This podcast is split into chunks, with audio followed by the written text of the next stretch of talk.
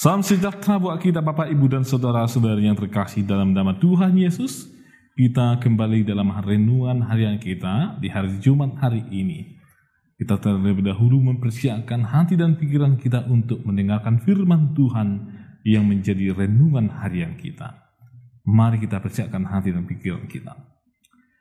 Kasih karunia dan anugerah dari Allah Bapa kita dan dari Tuhan Yesus Kristus yang menyertai kamu. Amin. Firman Tuhan yang menjadi ayat renungan untuk kita hari ini yaitu yang tertulis dalam 1 Petrus 2 ayat 1. Demikian firman Tuhan. Karena itu, buanglah segala kejahatan, segala tipu muslihat dan segala macam kemunafikan, kedengkian dan fitnah. Demikian pembacaan firman Tuhan.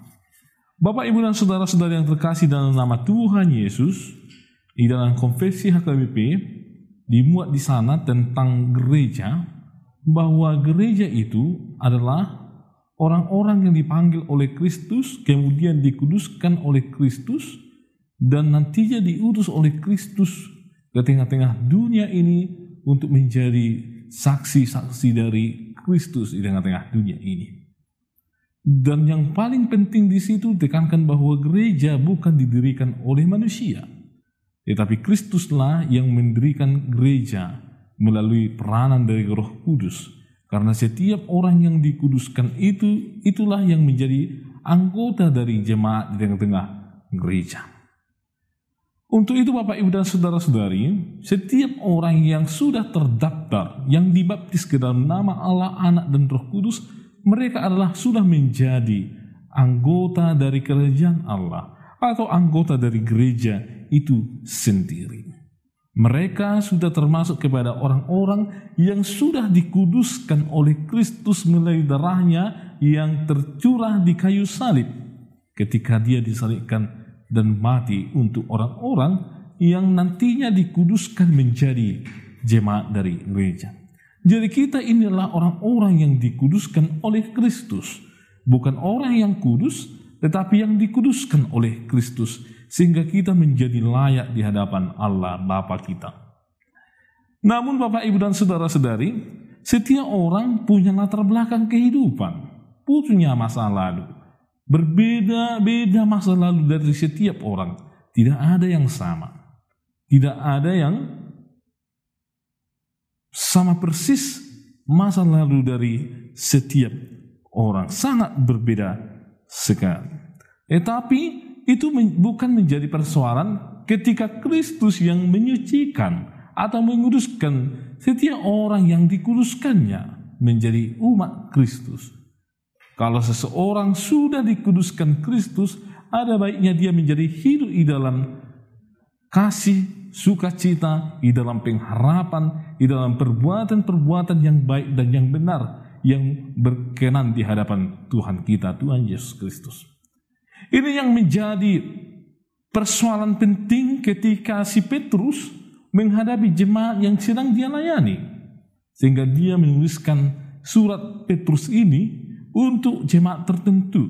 Ketika itu ada jemaat yang pro kontra dan mereka terjadi perpecahan sehingga terjadi di tengah-tengah jemaat pada waktu itu ada yang suka memfitnah, ada yang suka membuat tipu muslihat, ada yang munafik seakan-akan kelihatan baik padahal dia adalah orang yang suka memfitnah sehingga terjadi perpecahan di tengah-tengah jemaat pada waktu itu. Untuk itulah si Petrus mengingatkan kepada jemaat bahwa orang-orang yang sudah dikuduskan, orang-orang yang sudah dikuduskan oleh Kristus, ada baiknya seperti yang dikatakan dalam nas kita ini. Karena itu, buanglah segala kejahatan, segala tipu muslihat, dan segala macam kemunafikan, kedengkian, dan fitnah. Dosa tersebut, dosa kejahatan, dosa kemunafikan, dosa tipu muslihat, dosa kedengkian, dan fitnah itu adalah sebuah racun atau yang meracuni persekutuan di tengah-tengah jemaat. Tidak ada orang yang merindukan di tengah-tengah persekutuan adanya kejahatan. Tidak ada orang yang senang bersama orang yang suka membuat tipu muslihat. Tidak ada yang namanya kedengkian bisa membangun persekutuan. Tipu muslihat tidak ada namanya itu bisa untuk membangun persekutuan, memperkokoh persekutuan dari orang-orang yang percaya kepada Kristus. Itu harus dibuang dari tengah-tengah umat Allah, jemaat di gereja, umat yang sudah dikuduskan oleh Kristus supaya terciptanya nantinya yaitu persekutuan sebagaimana orang-orang sudah dikuduskan oleh Yesus Kristus Tuhan kita. Untuk itu Bapak Ibu dan Saudara-saudara, dosa tersebut harus dibuang dari kehidupan kita. Lalu apa yang harus kita lakukan? saat ini dalam hal menyingkirkan dosa-dosa kejahatan, kedengkian, tipu muslihat, fitnah. Yang pertama, semakin rindu akan firman Tuhan. Tentu firman Tuhan akan mampu memberikan pandangan-pandangan, pemikiran-pemikiran, akan mampu memberikan penilaian-penilaian yang benar, yang absolut benar, yang bersumber dari Tuhan. Ketika firman Tuhan semakin banyak kita dengar, semakin banyak kita baca dalam Alkitab dan di buku-buku renungan yang lain dalam penjelasannya, tentu hal itu akan mengarahkan kita semakin mengenal mana itu yang menjadi kebenaran.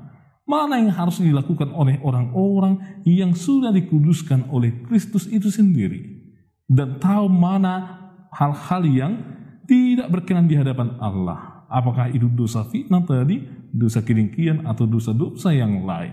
Sehingga nantinya tercipta persekutuan yang kokoh sebagaimana kita ini adalah milik Kristus, anggota tubuh dari Kristus itu sendiri.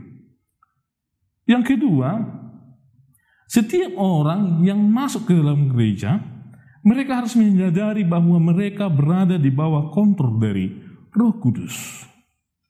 Makanya orang-orang yang di bawah ke kontrol Roh Kudus, mereka harus hidup sebagaimana yang katakan dalam Galatia 5 ayat 22 bahwa setiap orang yang sudah dikuasai oleh Roh Kudus harus membuahkan buah-buah Roh itu sendiri, yaitu buah yang penuh kasih, sukacita, damai sejahtera, yang penuh kesabaran, kemurahan, kebaikan, kesetiaan, kelemah lembutan, penguasaan diri.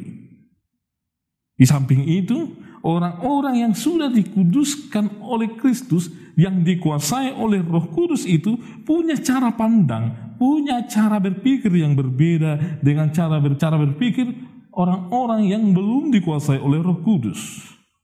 Tentunya mereka sebagaimana yang dikatakan di dalam Filipi 4 ayat 8 itu sendiri. Yaitu, jadi akhirnya saudara-saudara, semua yang benar, semua yang mulia, semua yang adil, semua yang suci, semua yang manis, semua yang sedap didengar, semua yang disebut kebajikan patut dipuji, pikirkanlah semuanya itu. Orang-orang yang kuduskan harus memikirkan apa itu yang baik, yang benar, yang suci, sebagaimana tadi yang katakan dalam Filipi 4 ayat 8 untuk membangun persekutuan sebagaimana kita inilah bagian dari tubuh Kristus itu sendiri. Kitalah bagian-bagian dari tubuh Kristus itu sendiri. Tidak ada yang dengki ketika kita makan, tidak mungkin anggota tubuh kita yang lain akan dengki atau iri hati melihat mulut kita ketika kita makan. Nah, di gereja juga demikian Bapak, Ibu, dan Saudara-saudari, tidak ada tidak baik kalau pengikut Kristus itu saling mendengki, saling memfitnah, iri terhadap sesamanya yang lain ketika sesamanya yang lain diberkati oleh Tuhan.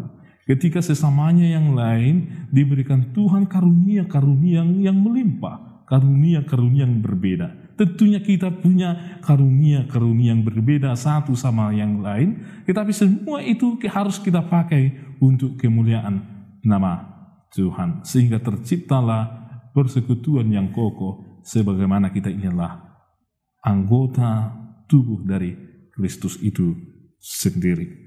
Untuk itu Bapak Ibu dan Saudara-saudari, mari kita sebagai umat yang dikuduskan oleh Kristus semakin rindu untuk mengenal firman Tuhan dan mari kita menyadari bahwa kita ini adalah di bawah kontrol Roh Kudus, bukan di bawah kontrol pikiran kita sendiri atau ego kita sendiri. Kita inilah yang sudah dikuasai oleh Roh Kudus untuk membuahkan buah-buah sebagaimana orang-orang yang sudah dikuduskan di dalam Kristus. Amin. Kita berdoa. Kami bersyukur ya Tuhan karena Tuhan senantiasa memberkati kehidupan kami. Dan Tuhan memilih kami, umatmu, serta menyucikan kami ya Tuhan. Sehingga kami menjadi orang-orang yang Tuhan pakai di tengah-tengah dunia ini.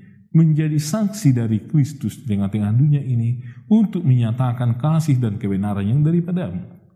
Ya Tuhan firmanmu mengingatkan kami agar kami menjauhi dosa kejahatan kedengkian, fitnah, iri hati, dan yang tidak membangun persekutuan di tengah-tengah umat Tuhan.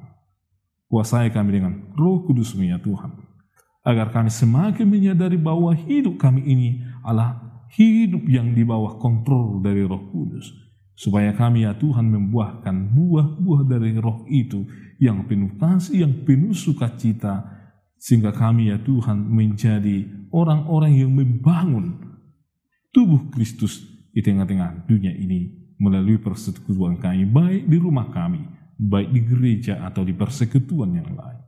Berkati jemaatmu ya Tuhan dalam setiap aktivitas, kesehatan mereka, keluarga mereka, Tuhanlah yang senantiasa memberkati dan menuntun mereka. Ya Tuhan, begitu banyak hal yang kami perlukan di tengah-tengah kehidupan kami. Tapi kami percaya bahwa Tuhan akan selalu mencukupkan itu. Dan ajarlah kami untuk senantiasa mengucap syukur ke hadapan Tuhan.